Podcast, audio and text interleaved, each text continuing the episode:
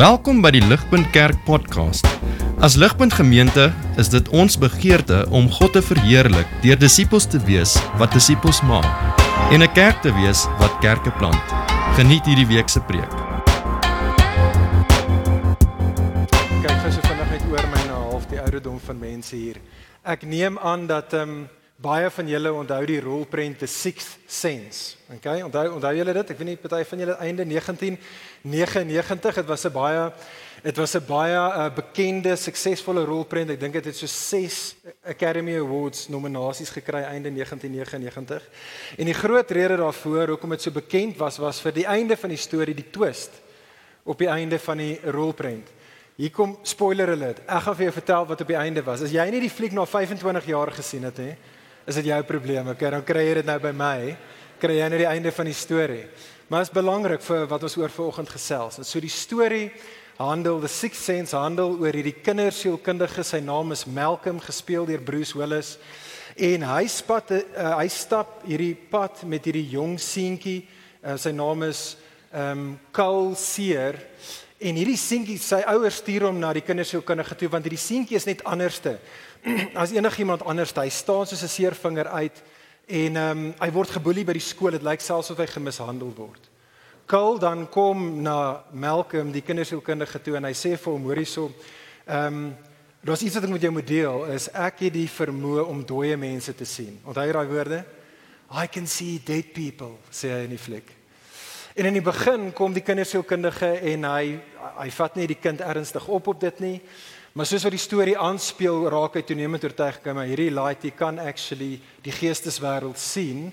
En dan die klimaks, hier spoil ek dit nou vir jou, die einde van die rolprent is waar beide Malcolm asook ons as die kykers van hierdie hele storie wat afspeel tot die bewuswording kom dat Malcolm die kindersielkundige self is een van die dooie mense.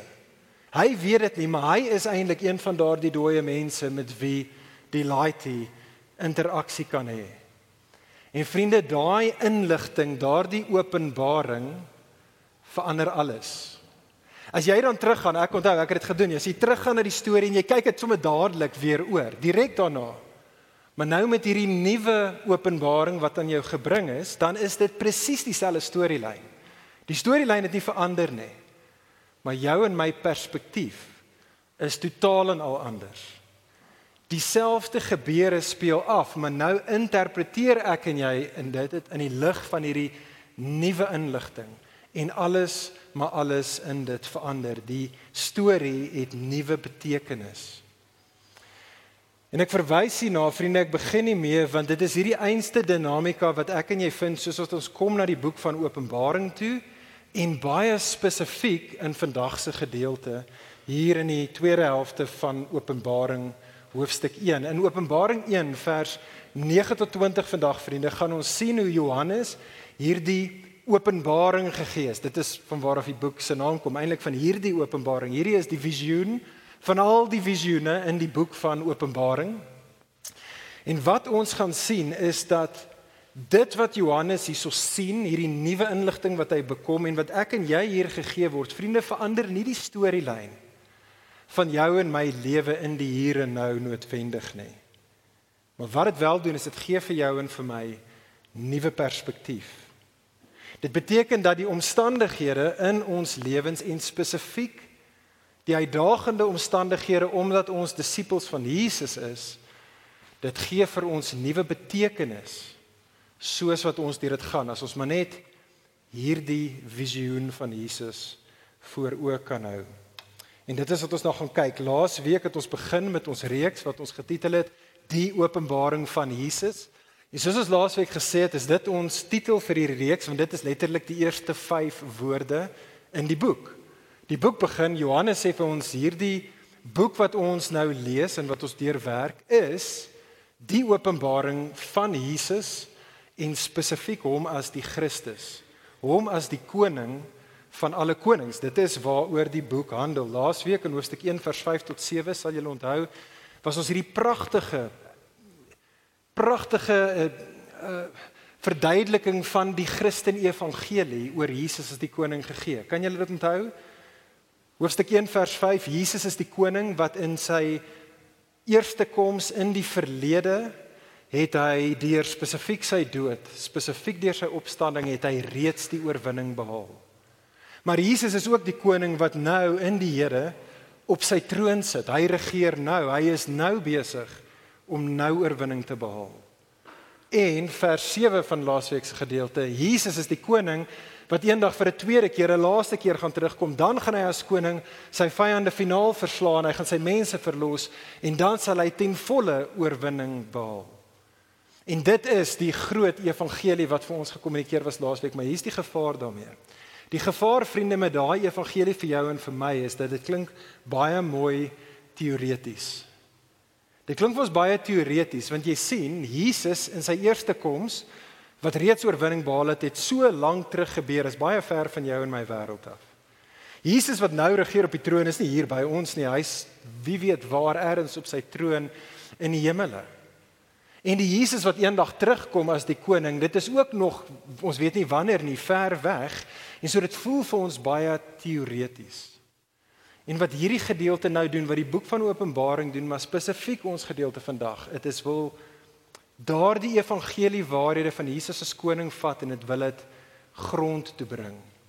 Dit wil dit intrek in jou en in my alledaagse bestaan in die hier en nou. Dit wil dit minder teoreties maak en dit meer lewende lywe gee in die wêreld waar ek en jy as disippels van Jesus lewe en baie kere worstel en ons probeer sin maak, maar wat en waar is koning Jesus? En dit is wat ons in vandag se gedeelte gaan sien.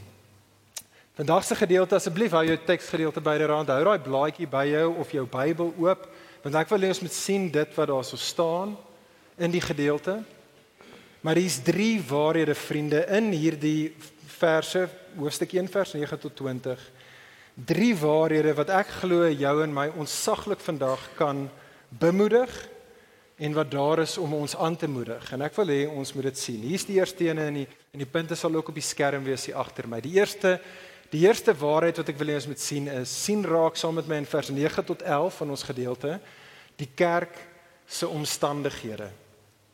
Die kerk se omstandighede in vers 9 tot 11 is sien ons dat hierdie boek wat Johannes gepen het was nie in die eerste plek. Dit was nie oorspronklik vir jou en vir my geskryf nie, maar dit was vir ander mense 'n spesifieke mense op 'n spesifieke tyd en 'n spesifieke plek geskryf, 'n mense met baie spesifieke omstandighede.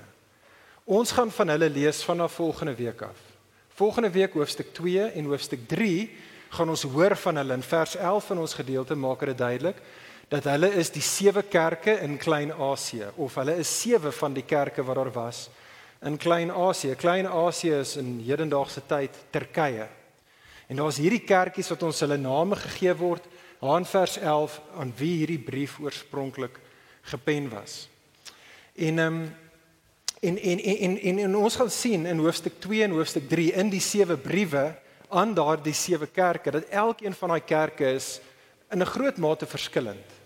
Hulle elkeen het hulle eie storie, hulle eie spesifieke uitdagings, hulle eie dinge wat in hulle lewens aangaan. So op baie maniere is elke kerkie uniek Maar daar's een ding wat al sewe kerke in gemeen het. Die een ding wat al sewe kerke in gemeen het is die volgende. En dit is verdrukking. Al sewe kerke ervaar verdrukking. Kyk hoe maak Johannes hierdie punt in 1 vers 9. Sien raak saam met my vers 9. Ek lees weer vir ons dit daar uit die Afrikaans uit. Johannes sê ek Johannes, julle broeder en julle deelgenoot in die verdrukking en in die koninkryk en in die lydsaamheid van Jesus Christus was op die eiland wat Patmos Patmos genoem word ter wille van die woord van God en as gevolg van die getuienis van Jesus Christus. En so Johannes maak duidelik wat sy verdrukking is. Hy sit op hierdie eiland Patmos, dis 'n Griekse eiland, maar dis so in die Weskus van Turkye. Is hy daar in 'n tronk in hy sin Patmos. Die rede hoekom hy daar is, is sê hy ter wille van is as gevolg van die getuienis van Jesus, die woord van God. So hy's iemand wat die evangelie glo. Hy verkondig die goeie nuus dat Jesus koning is. Hy rig sy lewe in asof Jesus koning is en dit beteken hy sit in 'n tronk op Patmos op hierdie eiland. Maar sien raak daar so hy sê dit wat sy realiteit is as verdrukking is die sewe kerke se realiteit. Hulle is deelgenote Hulle deel, hulle share in die einste verdrukking wat hy ervaar. Nou daai woordjie verdrukking is verskriklik belangrik. Ons het nodig om daarso te stop vir 'n oomblik. Die Engels het die woord tribulation wat nogal 'n redelike openbaringstipe van woord vir ons baie keer is en presies vir daardie rede ek dink omdat so baie van ons op 'n populêre vlak al baie goeters oor die boek van Openbaring gehoor het as ons die woord tribulation hoor dan dink ek hoor ons iets anderste as wat hier bedoel word. As ek ten minste die woord tribulation hoor dan sien ek 'n zombie movie wat afspeel, nê? Nee? Dit is wat ek al sien as ek tribulation hoor. Maar vriende, daai woord wat Johannes hier gebruik, is eintlik 'n baie algemene woord in die Bybel, Ou Testament, Nuwe Testament, 45 keer in die Nuwe Testament. Die woordjie tribulation beteken letterlik, al wat dit beteken is dat daar is eksterne magte en kragte wat inwerk op 'n realiteit. Dis wat die woordjie letterlik beteken. Die Afrikaans is hier spot on. Verdrukking, Dis verdrukking wat plaasvind. Die manier wat daai woordjie baie kere in beeldspraak in die Bybel gebruik word, Ou en Nuwe Testament, is die idee van 'n parskyp van drywe wat in 'n van 'n dryf wat in 'n hand is. Daar's hierdie eksterne krag of dalk is dit 'n voet wat druk op die dryf en die dryf in en van itself is is is is broos en daar's hierdie eksterne krag wat inwerk op daardie dryf Wel daai woordjie is die woordjie verdrukking, tribulation. En hoekom dit belangrik is, vriende? As ek en jy dit voor oë hou, dan ewe skielik raak tribulation, verdrukking iets wat elke liewe gelowige ken. Dit is iets wat almal van ons mee kan vereensgewig. Ja, En so klein bietjie van net 'n voorsmaakie vir wat ons gaan sien in die sewe briewe vir die sewe kerke. Ja. Die bekendste vorm van verdrukking in die Bybel is vervolging. Maar nie alle verdrukking is vervolging nie. So die bekendste vorm van verdrukking is vervolging en ons gaan dit sien by die kerk in Pergamum en ons gaan daar hoor van 'n ou met die naam van Antipas wat doodgemaak is as gevolg van sy getuienis oor Jesus. Ons gaan sien by die kerk in Philadelphia dat hulle het vervolging deurgegaan en baie van hulle was in tronke gegooi. So vervolging is een aspek van verdrukking, maar dit is nie al nie. Wat ons gaan sien byvoorbeeld in die kerk in Efese is dat hulle verdrukking was bloot dat hulle was 'n mense wat die heeltyd deur gestoei het en stroom op beweeg het teen 'n goddelose kultuur en dis taaf. Dit is verdrukking. Wat ons gaan sien is byvoorbeeld dat verdrukking is soos wat gebeur het by die kerk in Smyrna. En ons gaan lees hoe die kerk in Smyrna was armoedig, fisies arm.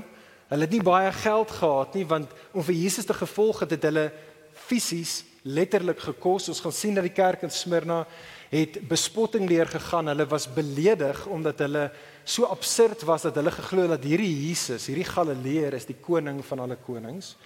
Ons gaan sien dat die kerk Thyatira se verdrukking was bloot dat hulle was dag in en dag uit gebombardeer deur die deur die seksuele agenda van die kultuur waarin hulle hulle self bevind. Ons gaan sien dat die kerk in Laodicea was gebombardeer deur die geldgierigheid van die kultuur waarin hulle hulle self bevind. Ons gaan sien dat die kerk in Sardes se verdrukking was bloot dat so baie van hulle in die kerk, selfs binne in die kerk was net alleen. Hulle was net 'n mense wat vervreem was. Die mense buite die kerk het gedink hulle is belaglik. So hulle het nie baie eksterne pelle gehad nie. En baie van die ouens binne in die kerk gaan ons sien, was ook alleen, want selfs ouens in die kerk het gedink oor jy's heeltemal te radikaal. Jy's heeltemal te ernstig oor die hele geloof ding. En dis verdrukking. Nou onthou asseblief tog vriende laas week het ons hierdie punt gemaak. So gaan net in een sinnetjie sê, maar ons het gesê die boek van Openbaring is apokaliptiese literatuur. En wat ons laasweek gesê het is wat dit beteken, daai groot woord apokaliptiese literatuur wat letterlik die woordjie revelation is, uh verwys na 'n tipe van literatuur wat hierdie boek Openbaring is, wat 'n tipe van skryfstyl is vol van beeldspraak, vol van simboliek. En een van die dinge wat ons gesien is dat getalle in die boek baie kere het simboliese waarde en in hierdie tipe van literatuur en dit is ook waar van sulke boeke buite die Bybel is uh die getal 7 het 'n baie definitiewe betekenis. En dit is hoekom ons gaan sien in die boek van Openbaring is baie goeters is in 7. Daar's baie dinge wat in 7's kom in die boek van Openbaring. Die getal 7 simboliseer kommunikeer bloot die idee van volheid van iets wat 'n universele realiteit is. En so ja, hierdie briewe word geskryf aan baie spesifieke sewe kerke, maar in 'n ander sin is hierdie sewe briewe vir die kerk in sy volheid, die kerk universeel oor alle tye en oor alle plekke insluitende hier by ons in Ligpunt in 2023. Twee implikasies vriende van dit vir jou en vir my. Twee plekke waar hierdie idee van verdrukking dan waar die taai teerslaan vir jou en vir my ons hier by Ligpunt en vir jou en my in ons lewens. Die eerste een is julle sal sien op die skerm. Wat dit kommunikeer aan ons vriende is dat verdrukking in al sy forme is integraal integraal tot ons Christen bestaan. Kyk gou vinnig weer sommer op die teks. Dis treffend dat hy daar verdrukking en koninkryk bymekaar sit. Die verdrukking en die koninkryk. Daai woordjie koninkryk het ons die eerste keer gesien in Openbaring 1 vers 5. Daar het hy punt gemaak dat Jesus die koning maak van ons sy disippels 'n koninkryk. Maar die gevaar is dat ek en jy die fout kan maak om te sê wel as Jesus die oorwinnende koning is verlede, hede en toekoms. Ons is sy koninkryk beteken dit dat ek en jy gaan altyd nou in oorwinning lewe. Ons kan die klassieke prosperity gospel fout maak. Maar dit sal vriende 'n fout wees. Want jy sien, ons eerder as burgers van Jesus se koninkryk is soos Jesus in sy aardse bestaan. So ons is 'n koninkryk, maar soos Jesus in sy aardse bestaan is ons 'n koninkryk wat kom met 'n kruis. Dit dit is vervolging en koninkryk saam nou in die hier en nou.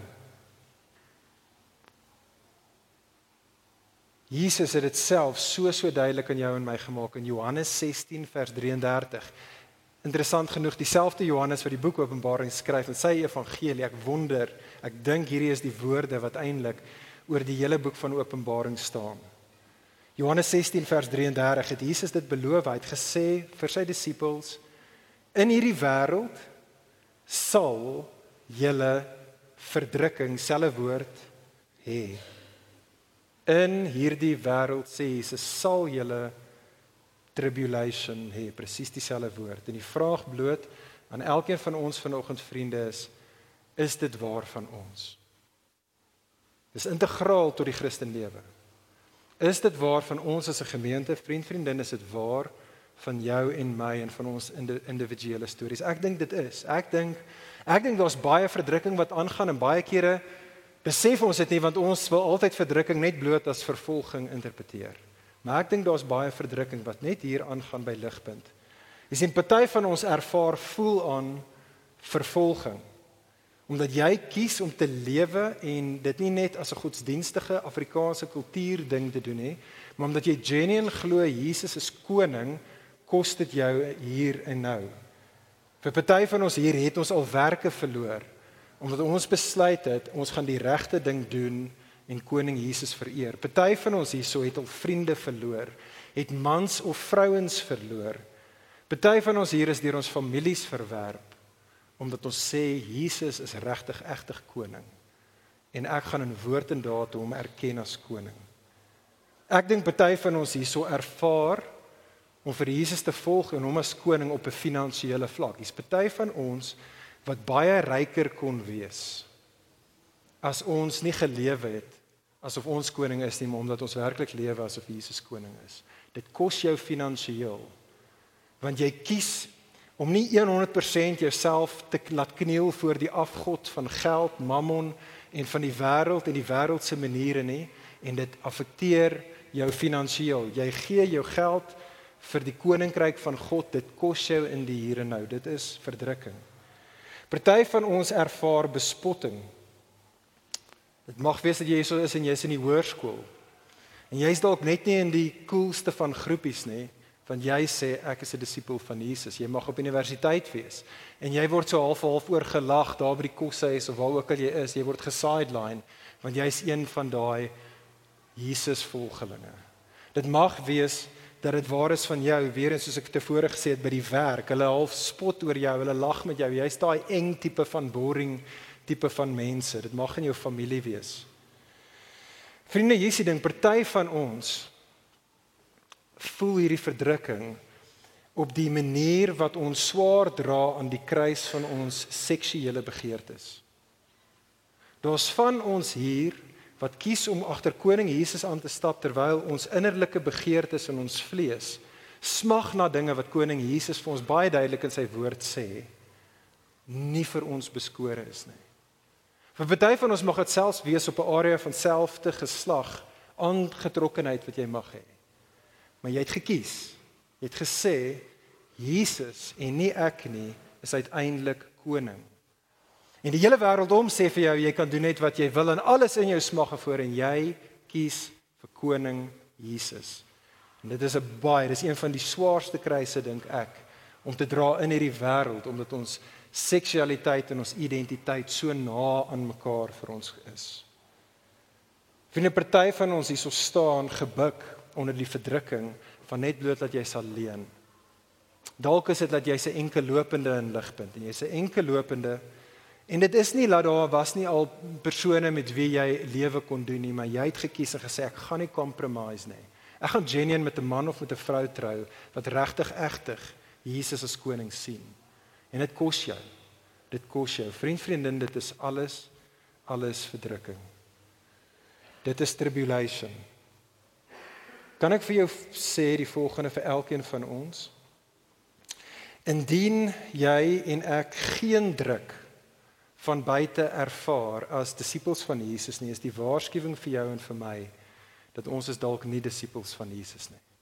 Dit is as Jesus se gees nie in en deur ons aan die werk is, soveel so dat ander voel hulle moet ons onderdruk nie, dan is dit baie moontlik dat ons is nie disippels van Jesus nie. Almal wat my disippels is, sê Jesus, sal verdrukking in een of ander vorm en op verskillende maniere in hulle lewe ervaar. Maar kan ek vir jou sê uh, ligpunter gelowige vanoggend hier as jy hierso sit en eers met iets wat ek gesê het, is daar iets van dit wat jy ken, iets wat jy ervaar, kan ek jou bemoedig? Kan ek jou vandag asseblief bemoedig, bemoedig jou lewensstorie lyk verskriklik baie soos Jesus se lewensstorie. Vind bemoediging daarin. Sy gees is in jou aan die werk. Sy gees is deur jou aan die werk. Jy stap die pad van die kruis net soos wat Jesus gedoen het. Hier is die tweede implikasie. Die tweede implikasie is dit is ook op die skerm hier agter my van hierdie idee van verdrukking vir ons. Vriende, en dit is dat verdrukking genootsaak geduldige volharding. Jy sien die versoeking vir jou en vir my Die versoeking vir ons is dat wanneer ons verdrukking ervaar, dan wil ons doen wat baie keer oor gepraat word as fight or flight. Ken jy dit? So as die verdrukking kom, is daar een van twee goed wat die vlees wil doen. Jy wil of veg of jy wil vlug. Wat ek wil doen is as ander my te nakom, selfs wanneer dit is as ek 'n volgeling van Jesus is, dit maak seer. So wat wil ek doen? Ek wil kwaad met kwaad terugvergeld. Wil veg of ek wil weghardloop gaan banker daan wegkruip van die wêreld af my lig ergens onder 'n emmer gaan sit sodat daar net geen verdrukking verder se kom nie en al twee daai reaksies vriende wanneer die verdrukking vir jou en vir my kom is nie die Christen manier nie dit is nie die Christus manier nie nee wat ons moet doen is vers 9 vers 9 daar is die woordjie lydsaamheid die Engels sê dit beter daar die woordjie is patient endurance Wat ek en jy tot geroep word vriende is om in die midde van die verdrukking nie die juk wat swaar druk op ons van die eksterne magte in ons eie krag te probeer afgooi deur te veg of te vlug nie. Maar eerder wat ons moet doen is ons moet geduldig, gehoorsaam, getrou aan koning Jesus wag op hom. Wag op die Here se verlossing uit daai situasie uit. Moenie veg nie, moenie vlug nie, wag op die Here. Dis moeilik. Dis bonatuurlik. Om dit te doen en nie self die juk te probeer afgooi nie, is menslik gesproke amper onmoontlik. So wat het ons nodig? Vriende, wat ons nodig het is ek en jy het 'n duideliker prentjie van Jesus nodig. Ons het 'n visie van Jesus nodig. Hier is die tweede punt. En dit is ons het gekyk na die kerk se omstandighede, sien raak saam met my die koning se openbaring vers 12 tot 16. So vers 11 het dit Johannes dit duidelik gemaak dat die stem wat hy gehoor het, so die stem kom praat met hom en die stem sê skryf neer alles wat jy gesien het. Dit is wat die boek van Openbaring is, maar die heel eerste ding wat Johannes gesien het is dan hierdie visioen wat ons gegee word wat begin daarso in vers 12. En vriende, ek wil hê ons moet dit sien. Okay, so probeer imagine wat Johannes gesien het. Hierdie is meer fantasties in die oorspronklike sin van die woord. Hierdie is meer anders anders wêrelds Hierdie is meer verbeeldingsryk as enigiets wat Hollywood in 'n superhero movie vir ons kan tentoonstel. So sien met die oë van jou harte wat Johannes gesien het. So kyk aan die gedeelte. Johannes draai om en hy sien voor hom sien hy sewe, ek neem aan dis groot goue kandelare. Hy sien hierdie lampstaanders.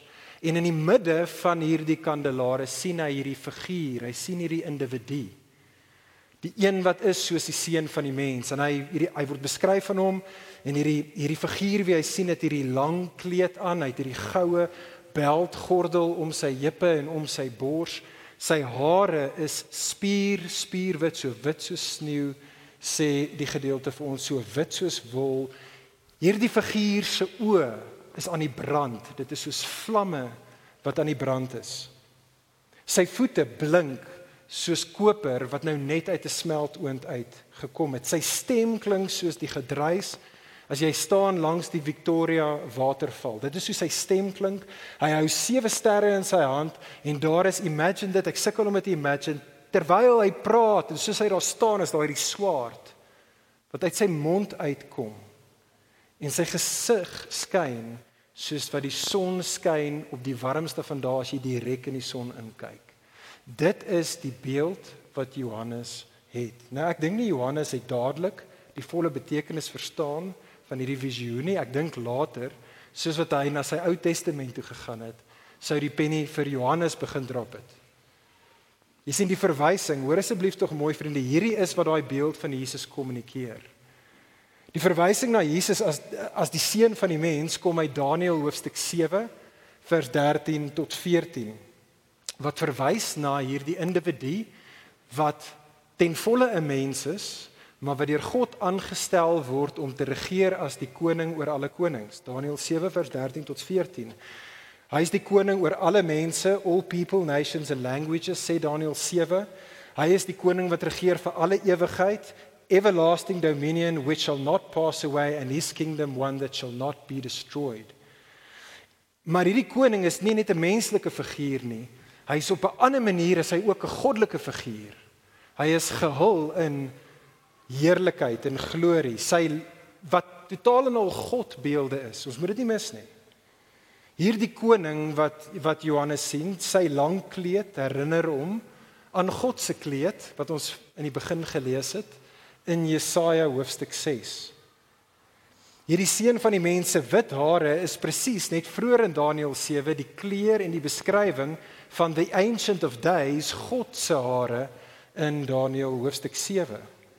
Sy goue gordel, sy brandende oë, sy voete van brons is alles beeldspraak wat ons vind van hierdie goddelike soldaat, hierdie goddelike krygsman wat ons ontmoet in Daniël hoofstuk 10.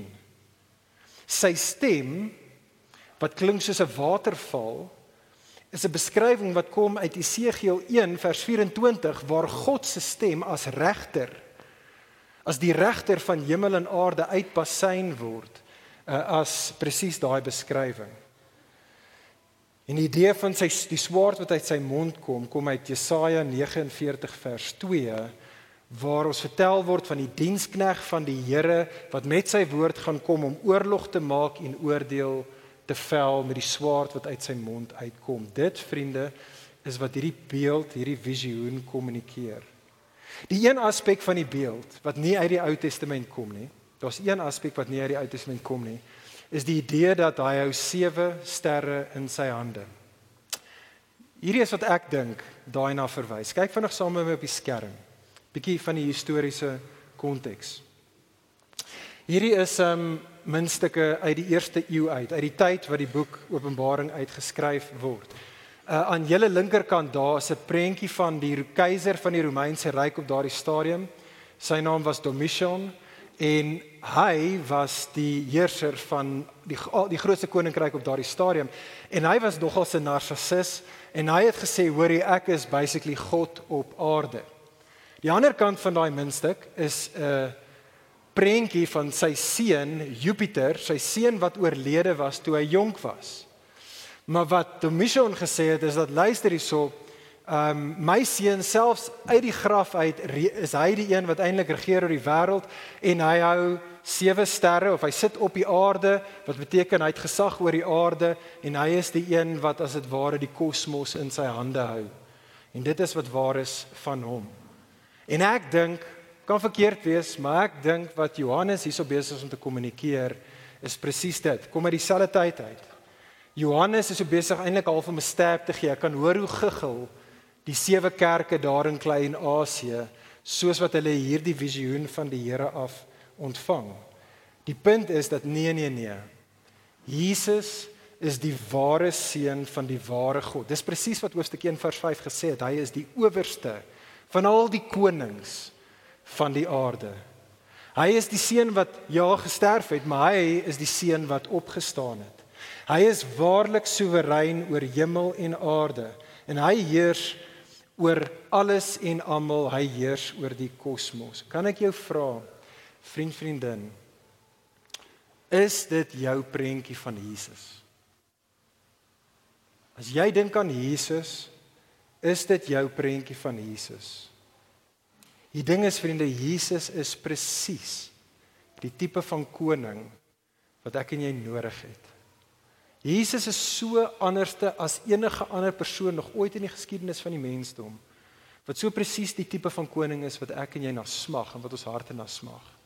Aan die een kant is Jesus ten volle 100% mens. Ek en my kinders en my vrou, ons het net gisteraand weer, ons is besig om The Chosen te kyk en ons love it. Love it, love it, love it. Want dit dit gee vir dit dit help my om die menslikheid van Jesus te onthou.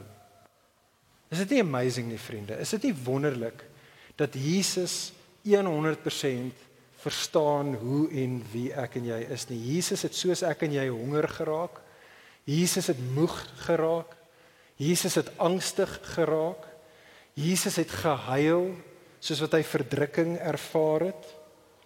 Jesus het versoeking geken. Jesus het verwerping ervaar. Jesus het vervolging geken. Hy het verdrukking in elkeen van die forme van die sewe kerke geken.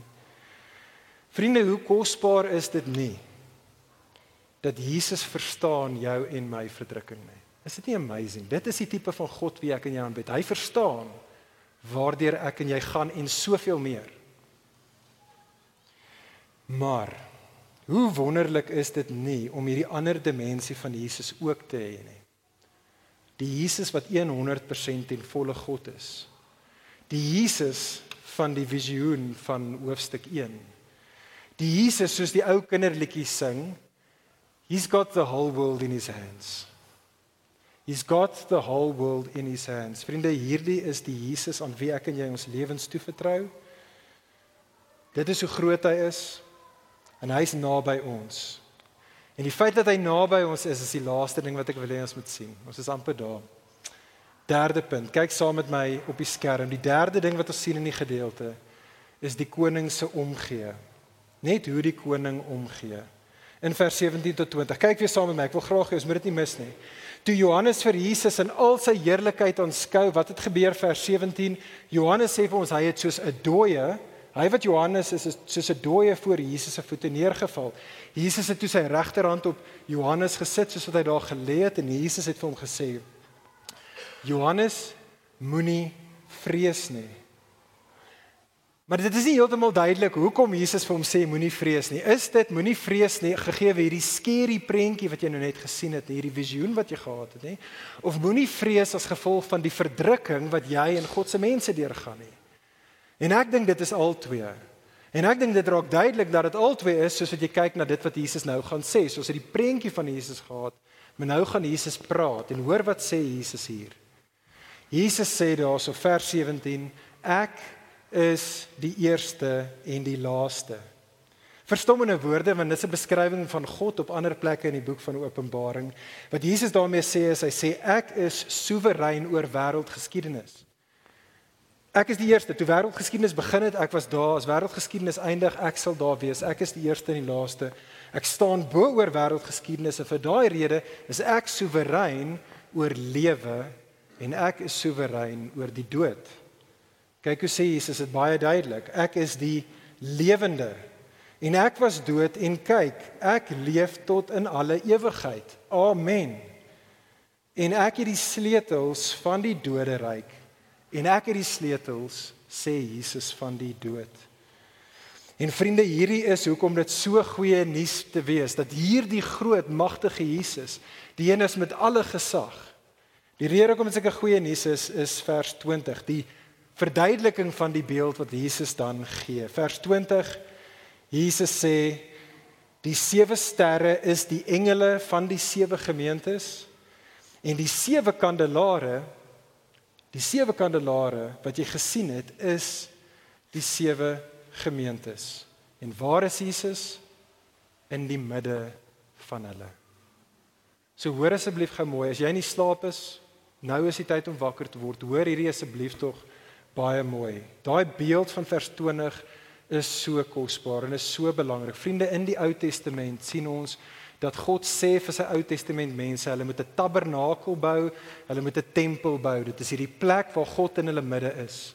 In die tabernakel en die tempel het jy die allerheiligste en jy die heilige plek. In die heilige plek het jy 'n kandelaar. Jy het 'n lampstaander. Die priesters het nodig gehad om elke sekond van elke dag 24/7 daai kandelaar, daardie lamp te laat aanhou brand. Die die kandelaar moes die hele tyd gebrand het en hierdie was die simboliek agter dit. Dis hierdie is wat dit gekommunikeer het. Dit het gekommunikeer dat hierdie is hoe verhouding met God lyk. Die kandelaar was 'n ver, vergestalting van God se mense. Wat in sy teenwoordigheid kan wandel by wyse van 'n priester.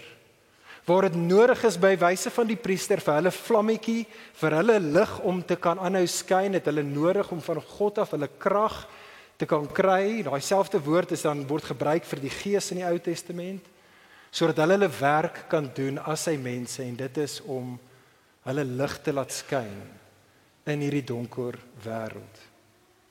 Dit is vriende wat Jesus hierna verwys. Wat Jesus in hierdie gedeelte sê is dat Jesus sê so Hoorie so, ek is, ja, ek is die koning, ek is die magtige een, ek is die een wat groot is, verhewe is, gesag het oor geskiedenis, lewe en dood. Maar ek is nie 'n koning wat ver weg op 'n troon sit en ek kyk so van die afstand af na die verdrukking van my mense nie. Ek is ook 'n koning wat as priester in hulle midde is. En ek is die een wat hulle wat julle in my hand hou. Ek is die een wat julle ligte sal aanhou. Ek is die een wat sal seker maak dat julle dit doen wat God julle voor geskep het en gered het, dat julle liggies sal aanhou brand. Vriende, hoe bemoedigend is dit nie? Hoe bemoedigend is dit nie vir jou en vir my om dit te weet nie. Vriende, ek en jy hoef nie ons verdrukking te vrees nie. Want die vreesaanjaende Jesus is vir ons, hy is by ons. Hy's in ons midde. Hy's die een wat besig is om na jou en my om te sien. O, hoor dit asseblief tog soos wat jy vandag hier so sit. Vriend, vriendin, ek weet nie wat is jou verdrukking nie. Ek weet nie wat presies gaan jy deur nie en dit mag dalk net hierdie week wees, dit mag dalk of die laaste 30, 40 jaar wees. Ek weet nie wat dit is nie, maar wat ek weet is dat hierdie groot, magtige, soewereine koning Jesus wat vir ons geopenbaar word hier. Hierdie Jesus as priester het jou en hy is met jou. Hy sal nie toelaat dat jou liggie uitdoof nie. En hy het dit beloof aan ons. Ek terug by daai vers Johannes 16 vers 33. Ek het nie net nou die hele vers gelees nie. Jesus het gesê en hierdie is waaroor die hele boek Openbaring gaan. Johannes 16 vers 33 in hierdie wêreld, julle my disippels, sal julle verdrukking hê, maar hou goeie moed want ek het die wêreld oorwin. En so ek sluit af daarmee. Die boek Openbaring vriende wil vir jou en vir my as dit ware 'n sixth sense gee. Wat die boek wil doen is dit wil ons sesde sintuig wakker maak. Dit wil die oë van jou en my harte wil dit oopmaak sodat ek en jy vir Jesus in al sy glorie kan sien, sodat ek en jy opnuut kan sien wie Jesus is, sodat ek en jy kan sien hoe Jesus is en sodat ek en jy kan sien waar Jesus is. Hy's by ons, hy's met ons. Hy sal na ons omsien, hy sal na ons kyk. Ons gaan fyn wees. Ek en jy gaan fyn wees. Vriende, mag ons hierdie perspektief bekom. Mag die Gees werk dat ons hierdie Jesus voor oë kan hou. Mag hy ons oë oopmaak. Kom ek bid vir ons.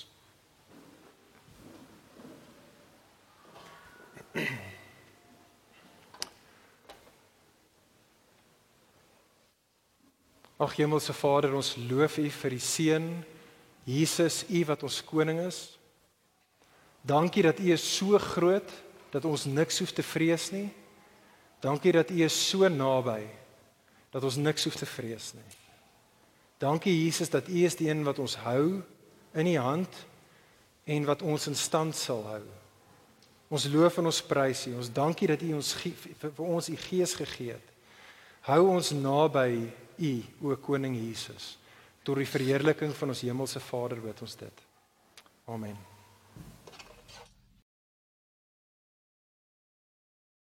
Vir meer inligting oor Ligpunt Kerk, besoek gerus ons webwerf op www.ligpunt.com of kontak ons gerus by info@ligpunt.com